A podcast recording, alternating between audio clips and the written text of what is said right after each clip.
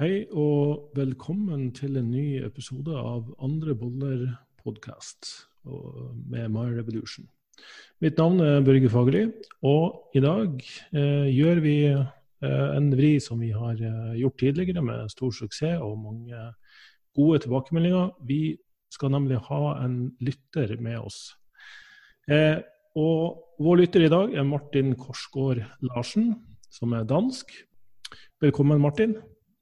Tusen takk. Ja. Eh, og eh, målet med denne samtalen da, det er jo egentlig bare å eh, gjøre det her som jeg ville gjort en vanlig engangskonsultasjon med, med en kunde. Så eh, vi skal gå gjennom noen spørsmål, og så skal jeg prøve å gi deg noen gode svar på hva som kan være lurt å, å gjøre videre. Men sånn først av alt, Martin, hva er liksom din overordna målsetning? Hva er det du ønsker at jeg skal hjelpe deg med?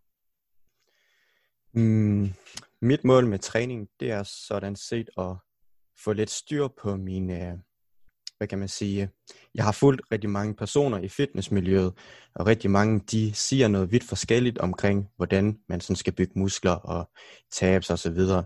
Så det jeg sådan mangler, det er måske en, en tro på, det jeg gør, at det er rigtigt. Mm. Og med det, jamen altså, mit mål, det er sådan at bygge muskler, og måske også tabe litt mer fedt sådan, øh, i, det, i den langsigtede mål. Mm. Ja, du har jo sendt meg noen før- og etterbilder, eller um, bilder av din framgang, og det er jo en veldig imponerende framgang, det må jeg jo si. Så, så, og du er 24 år gammel og mm, får vi si i sin beste alder, uh, sånn sett. uh, men at problemet da er at du stresser mye over små ting. Ja, det, det vil jeg sige, og det, man kan jo sige, det som Martin Bach, han, han siger omkring fuck around itis, det, det, det kan jeg måske kende lidt til. Ja. Man øh, har en tendens til at hoppe lidt frem og tilbage øh, fra program til program. Mm. Øhm, og ja, som du selv siger, jeg kan godt stresse lidt over de her små ting, om øh, hvad folk de siger, hvad man skal og ikke skal gøre. Det kan mm. være lidt svært at finde rundt i den her store træningsjungle. Ja. Ja, og den, den, ser jeg, den forstår jeg. Jeg har jo nesten gjort det til en livsoppgave å, å prøve å sortere ut uh, Finne de sentrale temaene, det som fungerer fundamentalt sett, og så blir egentlig resten bare sånn små finjusteringer. Det er jo ikke alle som, som er der at de egentlig trenger å bry seg med all denne finjusteringa. Og for enkelte, som, som da du har opplevd, så mm. um, kan en diskusjon rundt de, de, de, de små finjusteringene bli så stor og overveldende at man glemmer helt av at det fundamentale fremdeles virker. Så, så, så, for å sette litt det som perspektiv eh, Vi vet jo av mange gode studier som er gjort, at bare ett sett, så lenge du trener nær utmattelsespunktet, kan gi muskelvekst til de aller fleste. Eh, vi vet også at uh, folk som har trena veldig mye, hvis de reduserer treningsmengden sin ned til bare ett sett én gang i uka ca., så vil de i verste fall vedlikeholde muskelmassen. Altså i verste fall. Eh, og det var faktisk mange i den studien, den ble gjort både på unge og på eldre, eh, som fortsatte å øke bare på ett sett. Mm. Så, så, vi kan jo etablere at ok, vi har et sånn, sånn minstevolum på bare ett sett en gang i uka, så, så fram til at man er i stand til å trene ganske hardt der, så oppleves det her som tilstrekkelig belastning eller stress eller påkjenning til at kroppen er klar å i verste fall opprettholde muskelvolumet.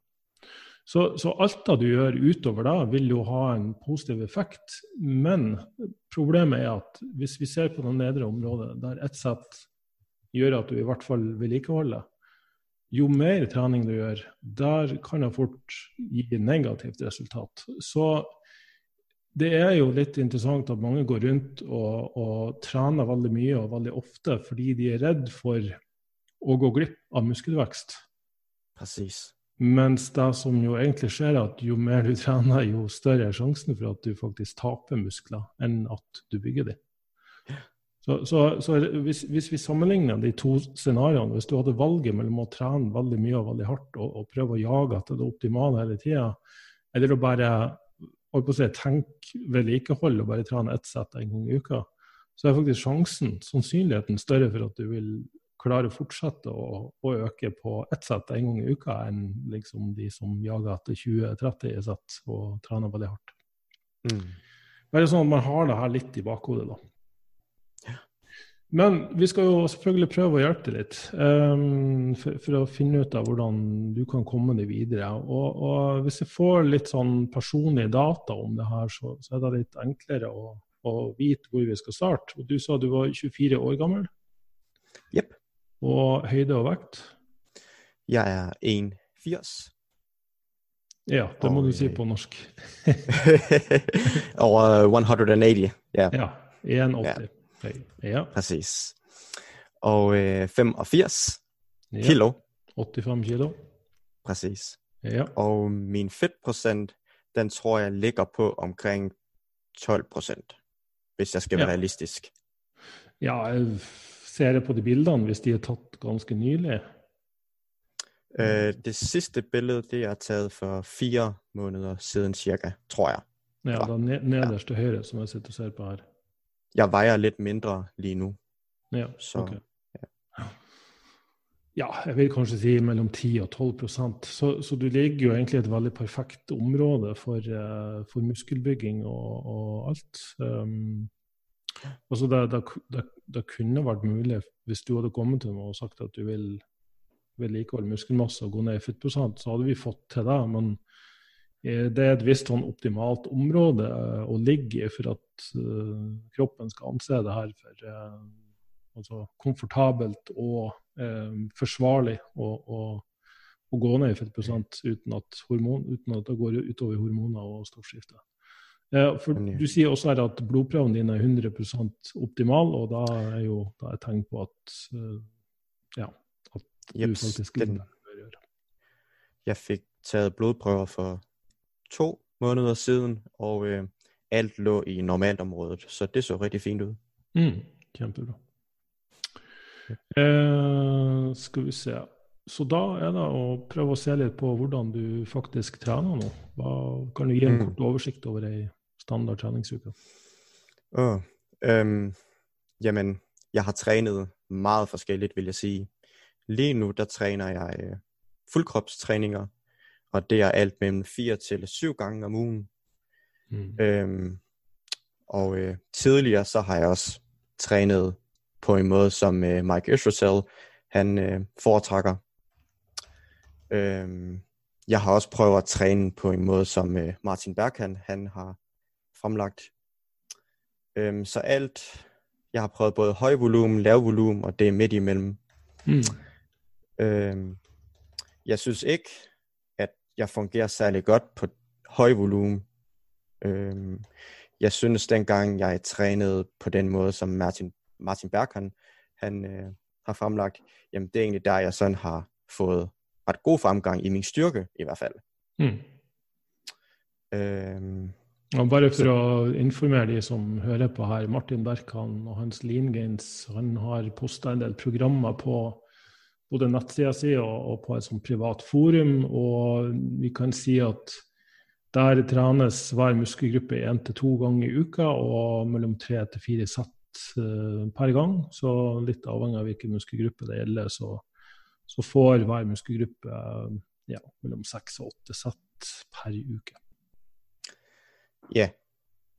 Uh, lige nå der kan man si at der trener jeg med en litt høyere frekvens på mine muskler, og det fungerer egentlig også okay, så længe at min volumen den ikke er for høj. Mm. Ja. Riktig. Ja, det er jo der avveininga kommer inn. altså Det her er jo en evig diskusjon på nett.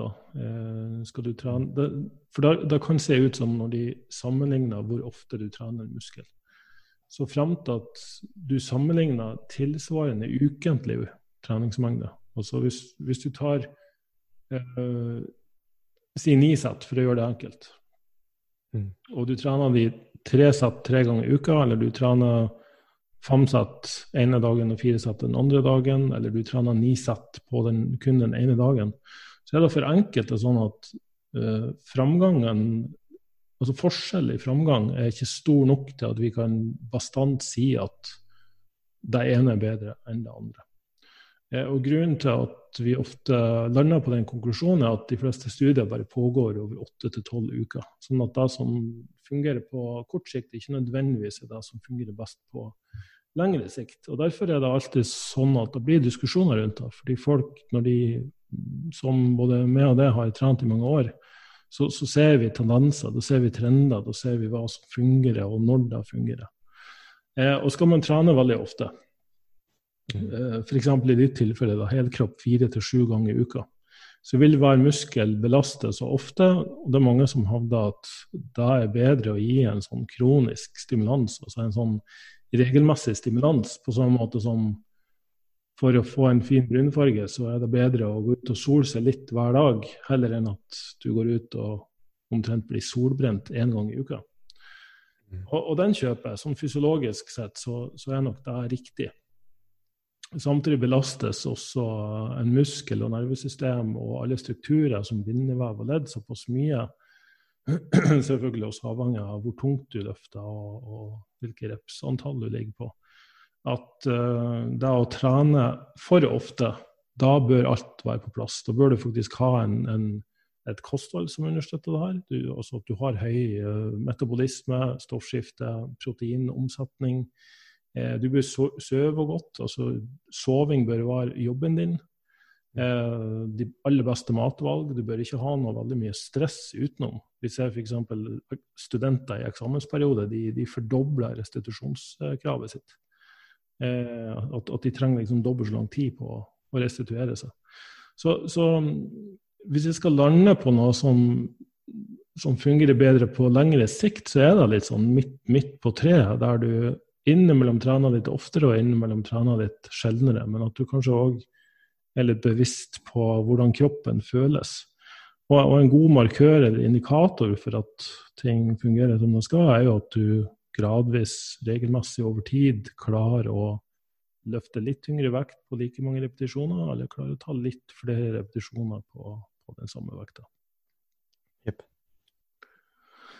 Så, men det er nok en helt riktig konklusjon du har kommet fram til. Jeg vet de som fungerer veldig bra på høyvolum, eh, dvs. Si å trene veldig mange sett. Eh, det kan ha med hvor god evne du har til å ta det ut, Sett opp mot hvor lang tid kroppen din da trenger på å restituere seg. Eh, så, så, så, så, Du nevnte Mike Israel, og, og, han er jo veldig på det her at du skal gradvis øke volumet fra uke til uke helt til du ikke klarer å restituere deg lenger. Mm. Da har du liksom funnet den maksimale eh, restitusjonskapasitet. Og eh, jeg syns det var veldig svært sånn, å følge det prinsipp, fordi livet kommer også sånn litt i veien, kan man si. ikke? Så det kan være litt svært å følge den plan som han sånn er tilhenger av.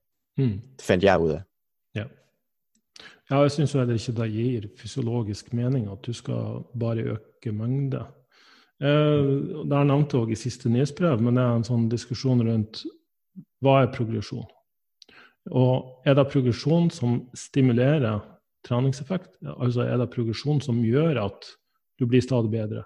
Eller er det at du trening generelt, så lenge du trener riktig, så vil du ha en progresjon. Dvs. Si, løfter du i dag 100 kg ti ganger. Hvis 100 kg ti ganger er en riktig treningsmengde, så vil du klare 102,5 kg ti ganger neste gang. Eller 100 mm. kg elleve ganger. Eh, så, så, det blir litt sånn, det blir en semantisk diskusjon som jeg ser det. Altså, det viktigste uansett er at du har en progresjon. Og om du legger på til 102,5, eller du bare klarer å legge på 102,5, om du klarer 11 reps i stedet for 10 reps, så har det uansett bare demonstrert at det du gjorde forrige gang, var det som skulle til for å skape framgang. Eh, men, men når, det begynner, når det blir en sånn Øk volumet, dvs. Si, vi er litt på det der ligge så lenge i sola at du blir solbrent, for da vet du hvor lenge du kan ligge i sola. Altså, det gir oss ingen gode svar på altså Jeg tenker mer på det her fra et sånt eh, kostnadseffektivitetsståsted. Mm. Hva trenger du å investere for å få mest mulig utbytte av den investeringa? Og, og, litt av Pareto-prinsippet. da. Hvis 20% av treningstida gir 80% av resultatet, hvorfor skal man da trene fem ganger så mye for å bare få 20 ekstra prosent? Og det er jo også en risiko ved å trene for mye. Jeg tenker sånn med skader osv. Nettopp. Ja, og der er uh, veldig viktig og godt poeng. For det her jaget etter å se hva som kan få en muskel til å vokse raskest mulig, gjør også at du glemmer at både bindevev og sene, som har en langt mer langsom omsetning og restitusjonshastighet, over tid kan muskelen vokse veldig hurtig, den. Vi vet hva en muskel er fysiologisk kapabel til. Den kan vokse meget hurtig på kort sikt. Mm. Men sena og bindevev, som eh, tross alt de musklene henger fast i, eh, klarer ikke å henge med på den veksten. og dermed så det er demonstrert helt tilbake til på 50-tallet. Så, så, gjorde de studier på det her og så at de som var såkalt høyrespondere, som klarte å øke veldig hurtig eh, etter, det kortere eller lengre tid, men nesten uten unntak, så, så, var det de som stagnerte og etter hvert begynte å faktisk miste styrke og muskelmasse. Eh, mm. sannsynligvis fordi at man glemmer at det er mange ledd i kjeden som skal henge med på det her. Det, det kan være det kan være ledd og sener, men det kan også være det kardiovaskulære systemet. Det kan være hormoner og stoffskifte. Det kan være alle de andre systemene i en menneskekropp som skal klare å understøtte den større muskelen. At den skal finnes en plass i den kroppen. Så, så må du også ha en kropp som, som den muskelen hører hjemme i, hvis det gir mening. Ja, men uh, for å komme tilbake til poenget, da, så, så er det i hvert fall aktuelt uh, altså, da, da, du nå ligger på, så er det rundt fire til sju ganger i uka per muskel, siden du trener hele kropp. Mm. Ja. Og hvor mange sett per, per muskelgruppe snakker vi da? Um, generelt tre til fire sats per muskel. Mm. Ja. Og så, så er det typisk øh, en brystøvelse, øh, typisk to rygøvelser, øh, to benøvelser og øh, måske lidt skulder og lidt arm, afhængig af om jeg føler for det. Hmm. Så du er jo da på minimum 12 sett per uke, og med sju helkroppsøkter i uka, så er vi jo på opp til 28 sett per muskelgruppe per uke. Jeps. Ja, det må vi jo si er imponerende. Og spørsmålet er da om klarer du å øke på det her?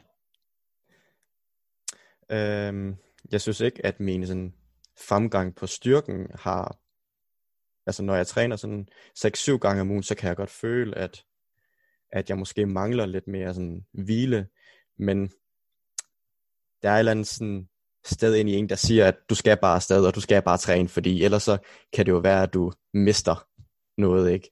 Mm. øhm, ja. ja. ja, da er vi tilbake på da vi diskuterte i starten, at når mm. vi vet at ett sett en gang i uka faktisk er tilstrekkelig for å ikke miste Og det har ja. Og jeg tror måske, at jeg måske heller ikke er den eneste, der måske har det sådan, og det er jo nok fordi, at man følger de her forskellige personer på de sociale medier, der siger, at du skal træne med så mange satser og så videre, og så videre, ikke? Mm. Man blir påvirket. Ja, man blir jo det. Absolutt. Mm. Uh, og jeg har jo vært en sånn uh, forhåpentligvis uh, voice of reason inni den debatten her for å prøve å få folk til å tenke over at hva man klarer å få av, um, av muskelvekst på kort sikt, ikke nødvendigvis er gjennomførbart på lengre sikt. Og det er tross alt de som klarer å trene mange nok år, Mm. som til slutt vil ende opp der dine hormoner og, og, og gener tillater det å være. Så, så det her liksom jaget etter det optimale eh, altså om, om, det tar det tre år eller seks år å komme til ditt maksimum eh, For mange bruker jo ti til tolv år, og ennå da klarer de liksom å øke litt i styrke fra år til år. Mm. Men hvis vi skal se på fellestrekkene av de som fremdeles trener, som har gjort det i mesteparten av sitt liv, og, og, og ikke har noe, opplevd noen voldsomme skader, så er det jo de som finner en sånn middelvei. da. Det er de som, som jeg pleier å bruke som metafor, investerer pengene sine smart, ikke er gamblere som mm. går etter quick fixes eller raske gevinster hele tida. Fordi da kan du være kjempeheldig, og så får du en kortvarig stor gevinst fordi du spilte kortene dine akkurat riktig der og da. Og, sant? Mm. Eller så er du den som, som da på lengre sikt hvis, hvis, du tar kalkulerte valg der du legger inn investeringer der det er riktig å legge investeringer di. Små investeringer her og der, fordele det fornuftig. Eh, så, så, vil du etter mange år være den som sannsynligvis eh, har den største bankkontoen. Yep. Eh, og, og, igjen, jeg har jo hatt uh, utallige kunder som har kommet til meg nesten på rehab fra der høyfrekvens høyvolumprogrammene eh, som de har fulgt. De har eh, autoritære ekspertene i sosiale medier som refererer til de ofte kortvarige resultatene man ser i studier på unge folk med riktige forutsetninger, og bruker det som en sånn fanesak. Da. For um, i dag tror jeg nok det er mest populært å være den som er mer ekstrem. Um, mens de som da har kommet til meg, de har jo ofte på ja, bare fire uker hatt styrkeøkninger på 10-20% og på åtte uker og tolv uker 20-30% i økning, liksom. Der de har åpenbart klart å bygge muskelmasse eller gå ned for et prosent og, og, og bygge muskler samtidig. Eh, og, der, og da kommet fra de her såkalte optimale treningsprogrammene. Og mine program der i snitt så ligger folk på ja, mellom tre og fire sett to, to til tre ganger i uka. Så, så, det er et langt mer moderat treningsvolum. Og, og, klart mye av den fremgangen kan forklares med at eh, de får nok restitusjon til at eh, kroppen får eh, ned stressnivået sitt. Og når stressnivået går ned, og de får nok mat, riktig mat, for da må vi ikke glemme. Vi kan ikke bare snakke om trening, vi må også se på hvor bra man faktisk spiser for å gi drivstoff til uh, maskineriet. Ja. Um, så, så, så, er det nok heller det at de tidligere var overtrent. Det er ikke det at min anbefaling er noe magisk i seg sjøl. Mm. Men, det er det her med å finne den riktige balansen, sånn at du, du, på sikt har mer utbytte av det. Men det er klart, på kort sikt gjør et volumeksperiment, om ikke på hele kroppen, så i hvert fall på i enkelte muskelgrupper. Trener med masse sett og masse repetisjoner, og, og pass på at du samtidig har masse mat. Fullt mulig å øke eh, bra i, i, muskelstørrelse. Men klarer du å opprettholde på sikt? Det er spørsmålet. Uten at du får vondt noe sted. Der er det langt færre som, som lykkes. Mm. Så ja, kanskje da se på det neste punktet. og Hvordan eh, er en typisk dag med mat? Hvordan spiser du? Øhm, tidligere der har jeg fastet. Øhm, det gør jeg ikke mere, men dengang der fastede jeg helt til klokken omkring klokken 12-1 stykker. Mm. Øhm, men det sidste halve år, der har jeg sådan prøvet at spise øh, generelt morgenmad, øh, frokost, øh, aftensmad og så også en, en aftensnack. Mm. Når jeg træner, så drikker jeg også en proteinshake. Øhm, og det mad, jeg spiser, det er generelt øh, skyr, bær, frugt, kød, fisk, grøntsager, øh, kartofler, og samtidig får jeg også noget sådan junk. Øh, jeg vil sige, at efter jeg sådan har fokuseret lidt på at få noget mere næringsrigt mad, så har, har jeg egentlig fået det lidt bedre, Øh, tidligere har jeg fokuseret meget på det her FF1 Your Macros, hvor man sådan skal ramme sine macros, ja. hvor man nærmest kan spise, hvad man har lyst til, så længe man rammer sine macros.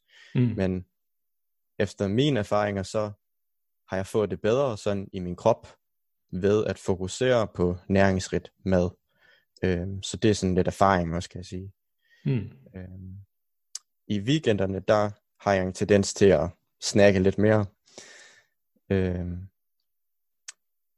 Ja, og så inden jeg går i seng, der plejer jeg også at spise noget mad. Jeg ved ikke, jeg tror måske bare, det er psykisk, fordi at øh, jeg sover lidt bedre, når jeg får, øh, får noget at spise, inden jeg går i seng. Men jeg tror måske bare, at det er en psykisk ting. Mm. Og det er sådan ja. generelt min min dag ser ut. Ja. Eh, og har du en oversikt på kalorier og kar karbohydrater, protein og fettfordeling? Um, lige nu der ligger jeg på omkring 180 til 200 gram protein. Og kulhydrater de ligger på omkring 240, og fedt det ligger på omkring 60-70 sådan cirka. Ja, på norsk så er det 80-90 gram. Ja. Ja. Sådan cirka. Sånn cirka, ja. Yes. Så da er vi jo på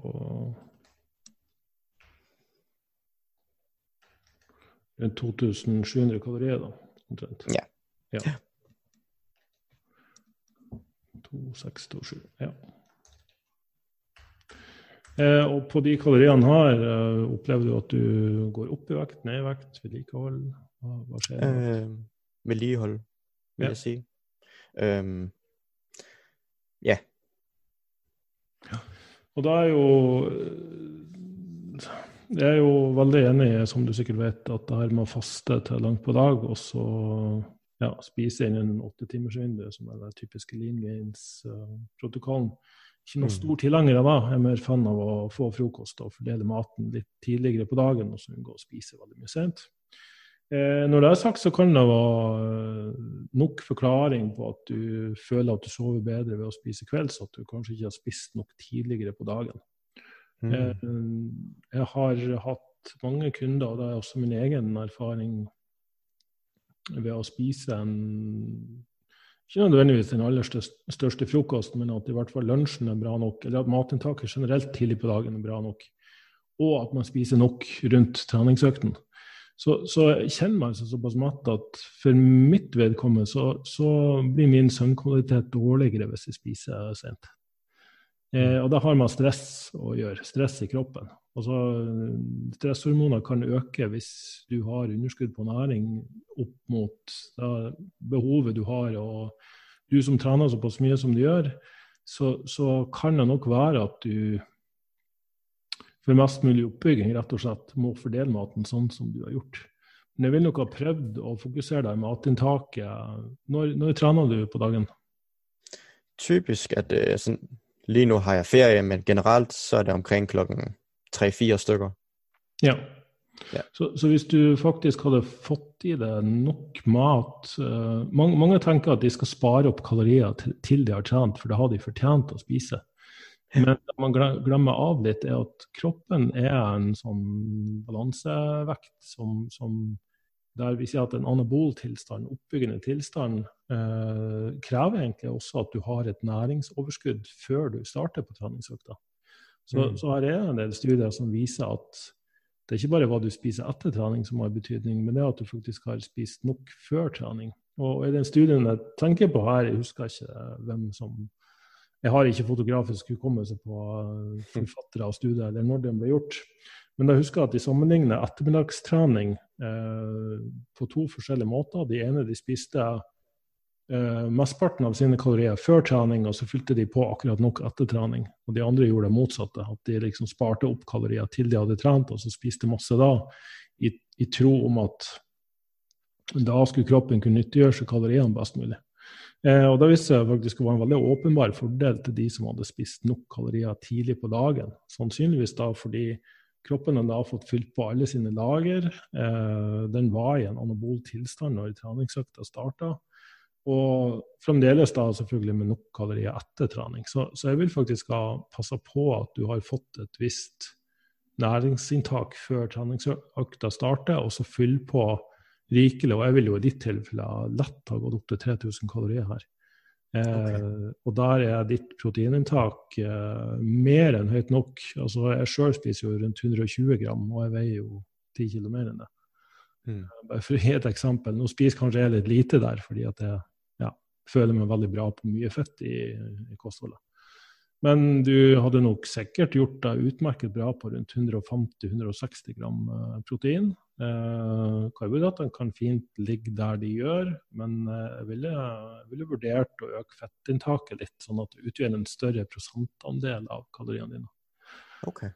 Og det har med, og det har med hormoner å gjøre. At det er en, det er en viss sånn gyllen middelvei der på der kroppen får i seg nok, nok, fett til å produsere hormoner. Og det kan hende at bare det i seg sjøl ville, ville, ha gjort en, en positiv forskjell.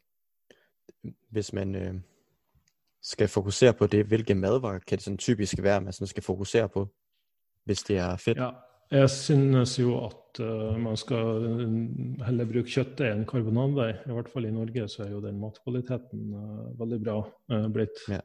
Eh, og jeg foretrekker animalske fettkilder. Altså at du får det fra egg og, og, og, fettrikt kjøtt. Jeg kjøper jo kanskje til og med lammedeig i stedet for uh, storfedeig, fordi at lammedeigen er mye fetere.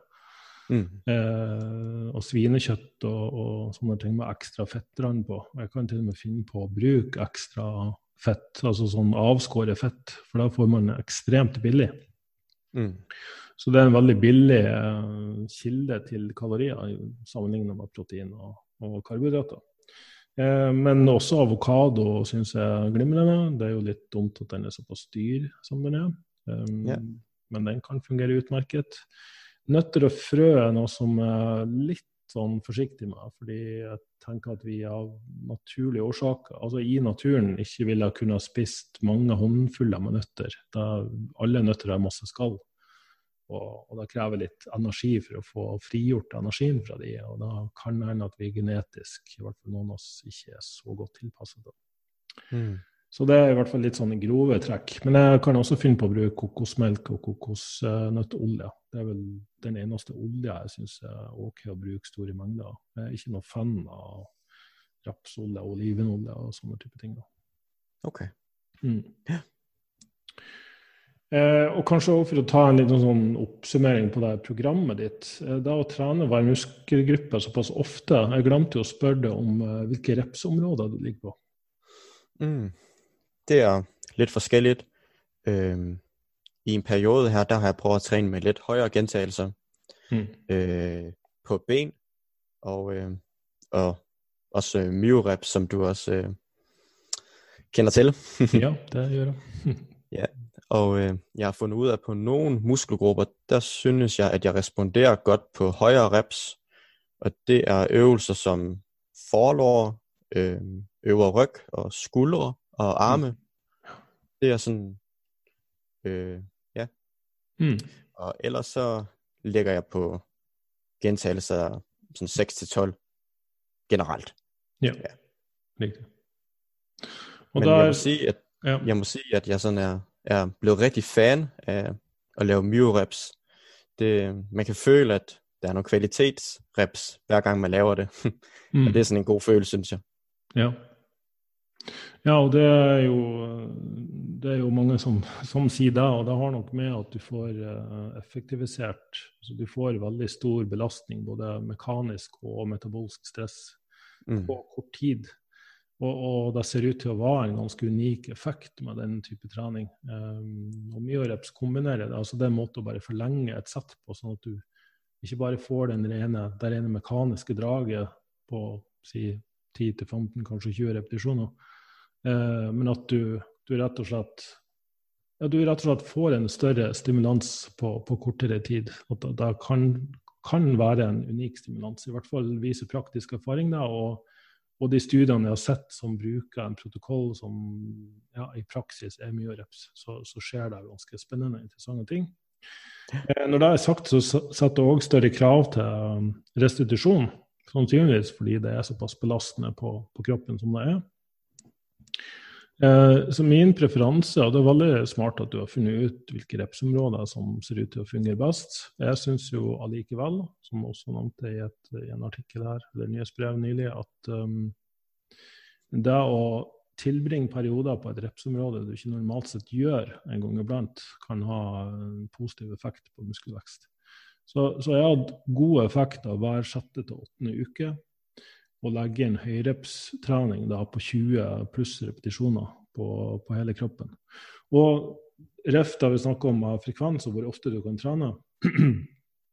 Høyrepstrening ser ut til, i hvert fall på utrente, å kreve lengre tid å restituere seg etter, i motsetning til hva man skulle tro. Ah. Men, men, fordi at det ikke belaster sene og, og bindevev og ledd i like stor grad, så, så har jeg allikevel en, en, Min erfaring tilsier at du kan trene høy frekvens når du trener med høy reps. Mm. Så, så, de helkroppsøktene fire til sju ganger i uka, det ville jeg ha prøvd uh, den uka eller to du trener med veldig høye repetisjoner, og så gå ned til en lavere frekvens. I ditt tilfelle vil jeg faktisk ha prøvd ut en overkropp-beinsplitt eller en push-pull-legs, altså pressøvelser, draøvelser, beinøvelser på tre forskjellige økter, og fått en litt lavere frekvens generelt. Um, og ditt, ditt volum som ligger såpass høyt som det gjør nå, på meg kan det virke som om du rett og slett har jaga så mye at det er optimale at du, du har endt opp i, i eh, litt for høyt opp, da. Altså at, at, du vil nok få en økning ikke bare av å spise mer mat, men legge inn en uke eller to med høyfrekvens, høyt volum, for å liksom sette i gang og utnytte en del mekanismer som du kanskje ikke har gjort på en stund. Mm. Du da går tilbake til For den uka vil du sannsynligvis føle deg veldig sulten, og da bør du faktisk spise mye mer karbohydrater og ikke fett. Men mens basekostholdet kan, kan være det som vi snakka om nylig, at du øker til 3000 og, og spiser mer fett, moderat med protein. Eh, push-pull-leg-split eh, si fem, fem økter i uka. Jeg ville ha lagt det der, sånn at du får en rotasjon der hver muskelgruppe trenes ca. hver fjerde til femte dag. Ok. Ja, Det er jo litt annerledes i forhold til det jeg gjør nå. Det er det, men jeg kan nesten garantere at den ekstra restitusjonen du får der, vil, vil gjøre at ting uh, setter i gang igjen. Mm. Og, og, ikke dermed sagt at du trenger å trene noe mer enn tre til fire sett per muskelgruppe, sjøl om du reduserer frekvensen. Så her må du faktisk heller tenke at du har nok gått litt forbi den sweet spoten på, på hvor mye du skal trene. At okay. det her har skapt en, en form for uh, ubalanse i stimulans-restitusjonsregnskapet ditt.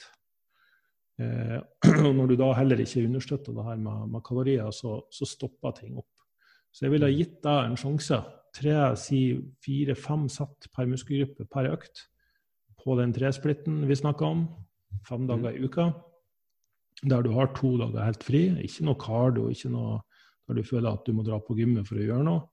Um, og så gi deg seks til åtte uker etter seks til åtte uker kan du kjøre en ny sånn høyrepsuke igjen, faktisk. Det er jo min anbefaling.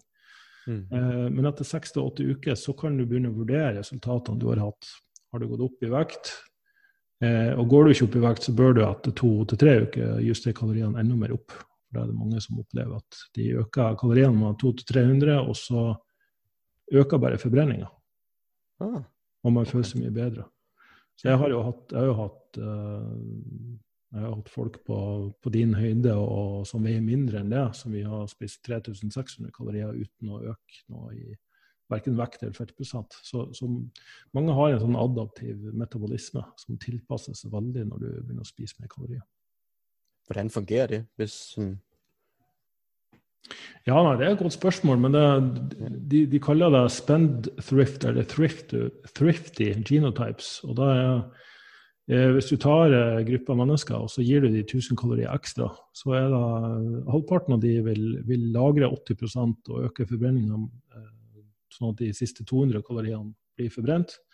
Mens 50% vil øke forbrenninga sånn at 80% av de, altså 800 av de kaloriene bare går, går, bort i forbrenning. Og Det kan være spontanaktivitet, altså sånn ubevisste bevegelser i løpet av en dag. Eh, mange mm. har merka at de har gått fra å være veldig sløv og slapp til å få masse energi og overskudd og klarer nesten ikke å sitte i ro når de for første gang begynner å spise nok og riktig.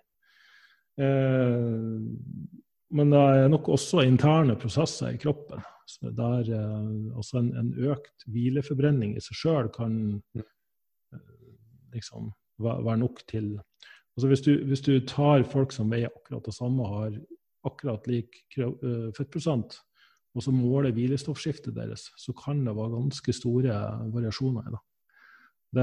noen merker da på at de føler seg veldig varme hele tida, mens noen merker, altså er bare veldig frossen og kald på hender og føtter hele tida.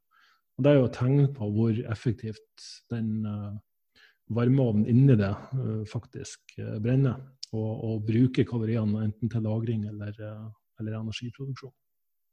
Okay. Så, så det, her er, det, her er, også ting som jeg pleier å adressere i en coaching for å, for å være sikker på at denne personen vi jobber med, da, eh, fungerer så optimalt som mulig og bruker de kaloriene der de skal brukes, i ditt tilfelle til bygging av muskelmasse. Så det er viktig å følge med litt her og se, for jeg kan sitte her og gi deg en del retningslinjer på hva du bør forandre på. Men det aller viktigste er jo hva som faktisk skjer i det virkelige liv. Mm. Eh, og da kan vi også ta med litt sånn Hvordan er ditt daglige aktivitetsnivå utenom trening? Er du stillesittende, eller står og går du mye? Um, jamen, uh, lige nu er jeg studerende, uh, men generelt så får jeg mellom 7 til 8000 skridt om dagen. Mm. Øh, jeg sørger for sådan at komme op og stå, når der er pause og så videre.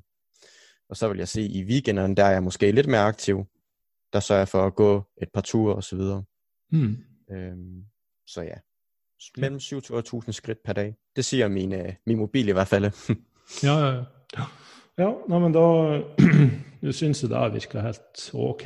Det, som hadde vært veldig stillesittende eller veldig aktiv, så kunne det hende at vi hadde måttet tatt det ned, på et, ned eller opp på et litt mer moderat nivå. Eh, for enkelte som, som uh, rett og slett sliter med å at de er kanskje veldig kalde og frossen, eller at de ikke ser at um, altså, For å si det sånn, kort sagt, det svake leddet kan for noen være kardiovaskulær. Mm. Hjerte-karsystem, oksygenopptak og, og, omsetning i kroppen. Altså omsetning av energi i kroppen. Og da kan små, moderate mengder, vi kan kalle det kardio, eller vi kan bare si til noen at de dagene du ikke trener, så gå, gå minst 30 minutter i, i rolig, moderat tempo kjenner at du får litt pust og litt puls, men, men det her kan ha en positiv effekt totalt sett. I ditt tilfelle, okay. som trener helkropp opptil sju ganger i uka, så vil nok det i seg sjøl være en såpass kondisjonskrevende type trening at du ikke vil få det aller største utbyttet av det. Mm. Så i ditt tilfelle vil jeg bare ha sagt at pass på at du får litt rolige, avstressende gåturer i skog og mark for å få ned det generelle stressnivået i kroppen. Mm uten å kalle det cardio. ja. Og da er jo refta neste spørsmål er, hvordan opplever du ditt nåværende stressnivå? Um, generelt så håndterer jeg stress meget godt. Um, men jeg vil si, når vi er tæt på de her eksamener osv., så, videre, så er stresset selvfølgelig litt høyere. Mm. Um, nogle gange der kan jeg også godt stresse over små ting. Men jeg vil si at jeg blevet bedre til at håndtere stress, jo ældre jeg er blevet. Øh, hvis man sådan skal lægge det på en skala, så vil jeg nok sige, at generelt så ligger mit stressniveau på 2 ud af 10, vil jeg sige. Mm. Ja. ja. Ja, men det høres jo veldig ok ut, da. Det eneste jeg kan uh, foreslå, er jo at du uh, nærmere eksamenstid faktisk roer litt ned på trening. Redusere frekvensen litt, uh, eller trene bare tre ganger i stedet for fem ganger, og bare sprer det mer utover. Uh, og kanskje litt færre sett, tar det litt mer med ro. Rett og slett bare unna kroppen uh, den ekstra restitusjonen, eller tilpassa belastninga i forhold til hva kroppen din evner å restituere seg fra. Og det her vet vi, da har vi gode data på at det her påvirker restitusjon.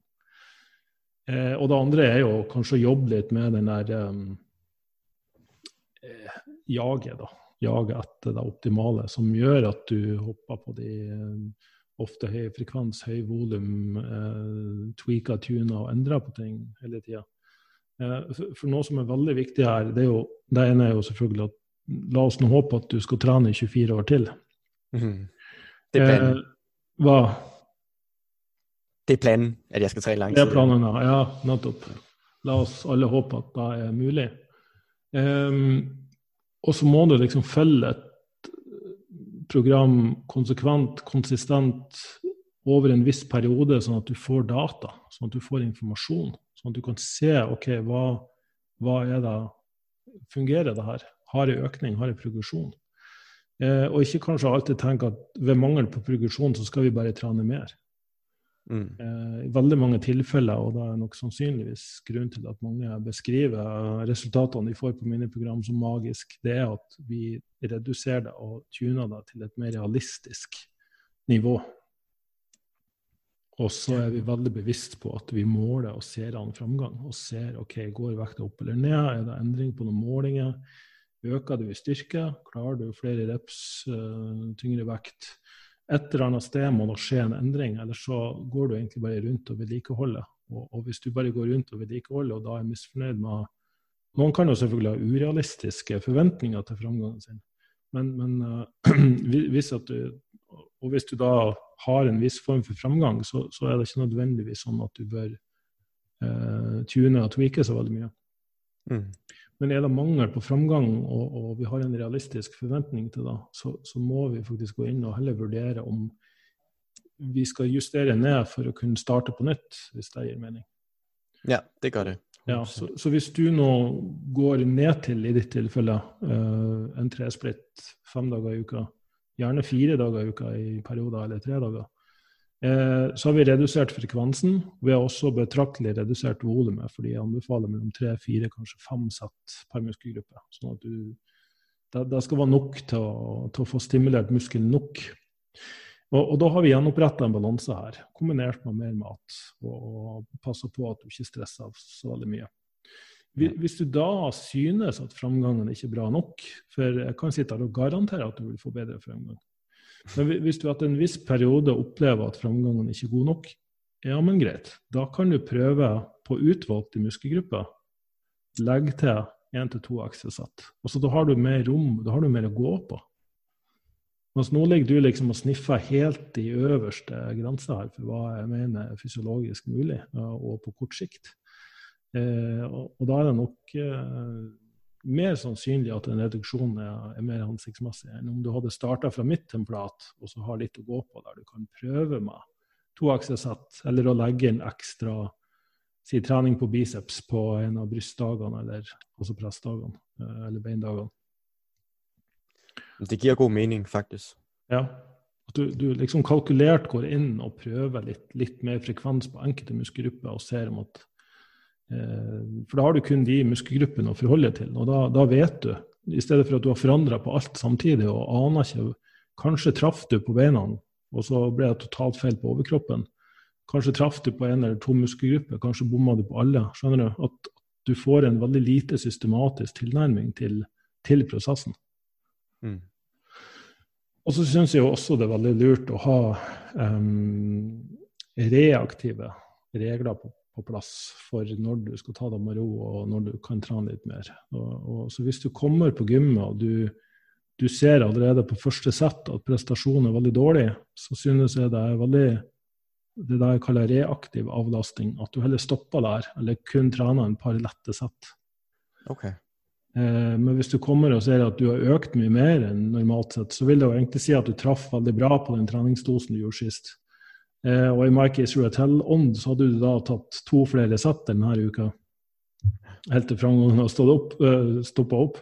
Men jeg tenker som så at nummer én, det kan være at bare da å følge programmet slavisk gir den beste framgangen. Men det kan også være at nå er det jo en veldig god periode på akkurat den øvelsen eller uh, den muskelgruppa. Sånn at det er mulig at du kan prøve ett eller to ekstra sett, eller å bare løfte litt tyngre vekt enn du hadde planlagt. Og så å ha hurtig progresjon når kroppen din tillater det. Mm. Og Da blir det mer reaktivt. Da er det sånn, ok, men da tar du det med ro når du ser at du ikke har opplevd noe særlig økning. Og det er klart, hvis, hvis, det gjelder hele treningsdagen og hele treningsuka, så må du gjøre sånn som vi gjør nå, og sitte og ta en skikkelig overhaling på, på hele planen. Yep. Eh, men at det kan være enkelte øvelser enkelte dager der du ikke er helt restituert, og da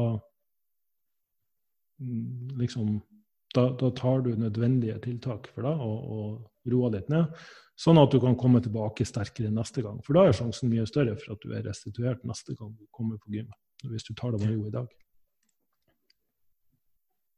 Jeps. Så, så, aller siste, og det her er jo um, noe vi ville ha gått dypere inn på hvis, at, uh, hvis, hvis vi skulle ta en fireukersperiode liksom, og, og sette opp alle matvalg og sammensetning og øvelser og alt. Nå har jeg jo bare kun gitt liksom, generelle trender på ting som du må ta med deg videre og sette opp et eget uh, opplegg på. Men har du noen skader, allergier, intoleranser eller noen medisinske tilstander? Um, nei, faktisk ikke. Jeg er sånn skadesfri. Ja, ja men så bra. Da er du heldig. Yeah. ja.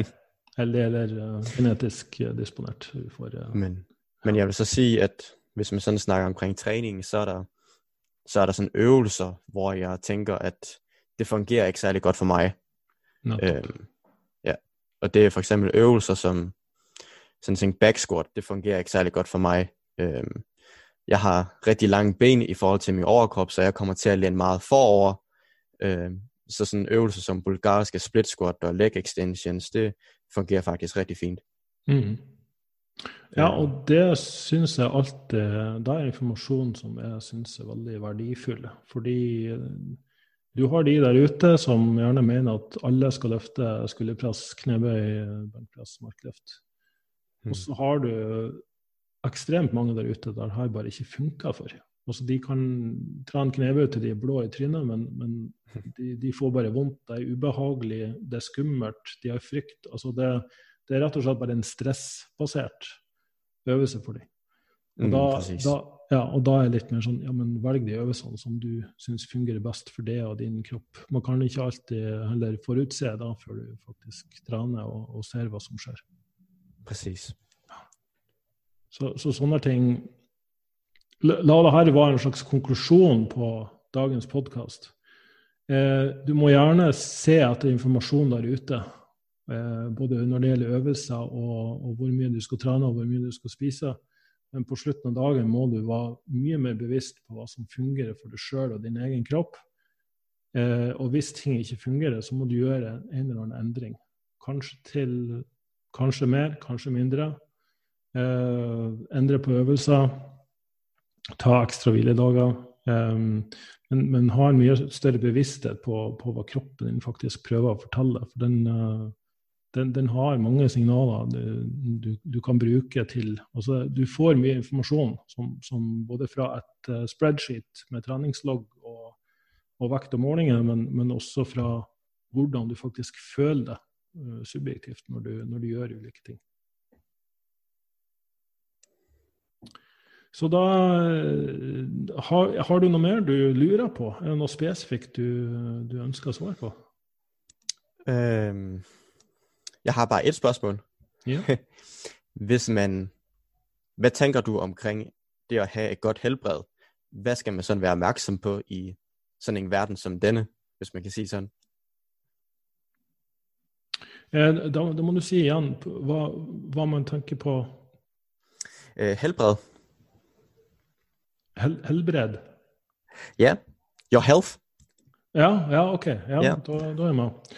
Jo, en god helse er jo, eh, som jeg anser det, evnen til å kunne stå opp om morgenen og ha nok energi og, og, føle at kroppen faktisk fungerer bra.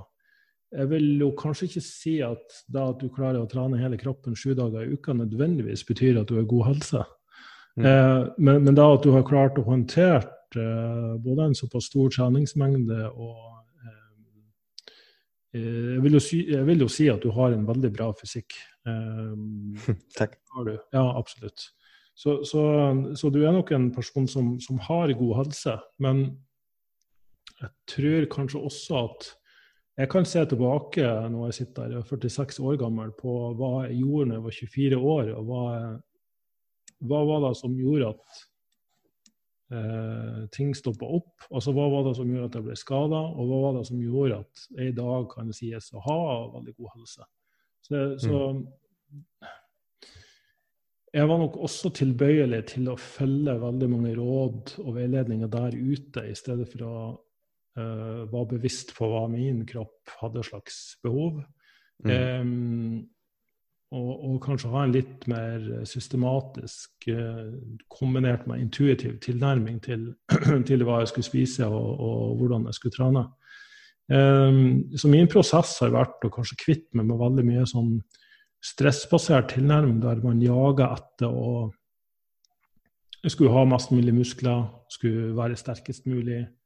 Eh, og da, da var en, en høyst respektabel eh, mål i livet da, at du skal bli best i en gitt sport eller i styrkeløft eller i bodybuilding, for all del. Jeg har been there, done that, liksom. Mm. Eh, men, men, jeg tenker at det å ha en mer sånn balansert tilnærming til alt der Hvis du bare har passion for det du holder på med, så kan det hende at du en dag blir den beste hvis du har de genetiske forutsetningene for deg, og du klarer å tilpasse eh, program og mat i forhold til det. Men det kan, altså de aller fleste av oss vil bare være helt middelmådige. Og det trenger ikke å bety at du er et mislykka menneske. Så med en gang man kan begynne å gjøre ting ut fra et mer sånn overordna, veljustert perspektiv, heller enn et jag etter å oppnå noe langt der framme, så, så, tror jeg mange av de prosessene her er, mye enklere for, for, de fleste mennesker. Ok. Hvis det er Yes. Yeah. Okay. Ja, men Da sier jeg tusen takk for at du vil være med på podkasten. Og så er det selvfølgelig helt i orden om du vil stille en oppfølgende spørsmål og sende meg noe mail på det. det, det tusen takk for at jeg må være med. Ja, det var kjempebra. Da får du ha en fortsatt uh, fin dag videre. I like måte.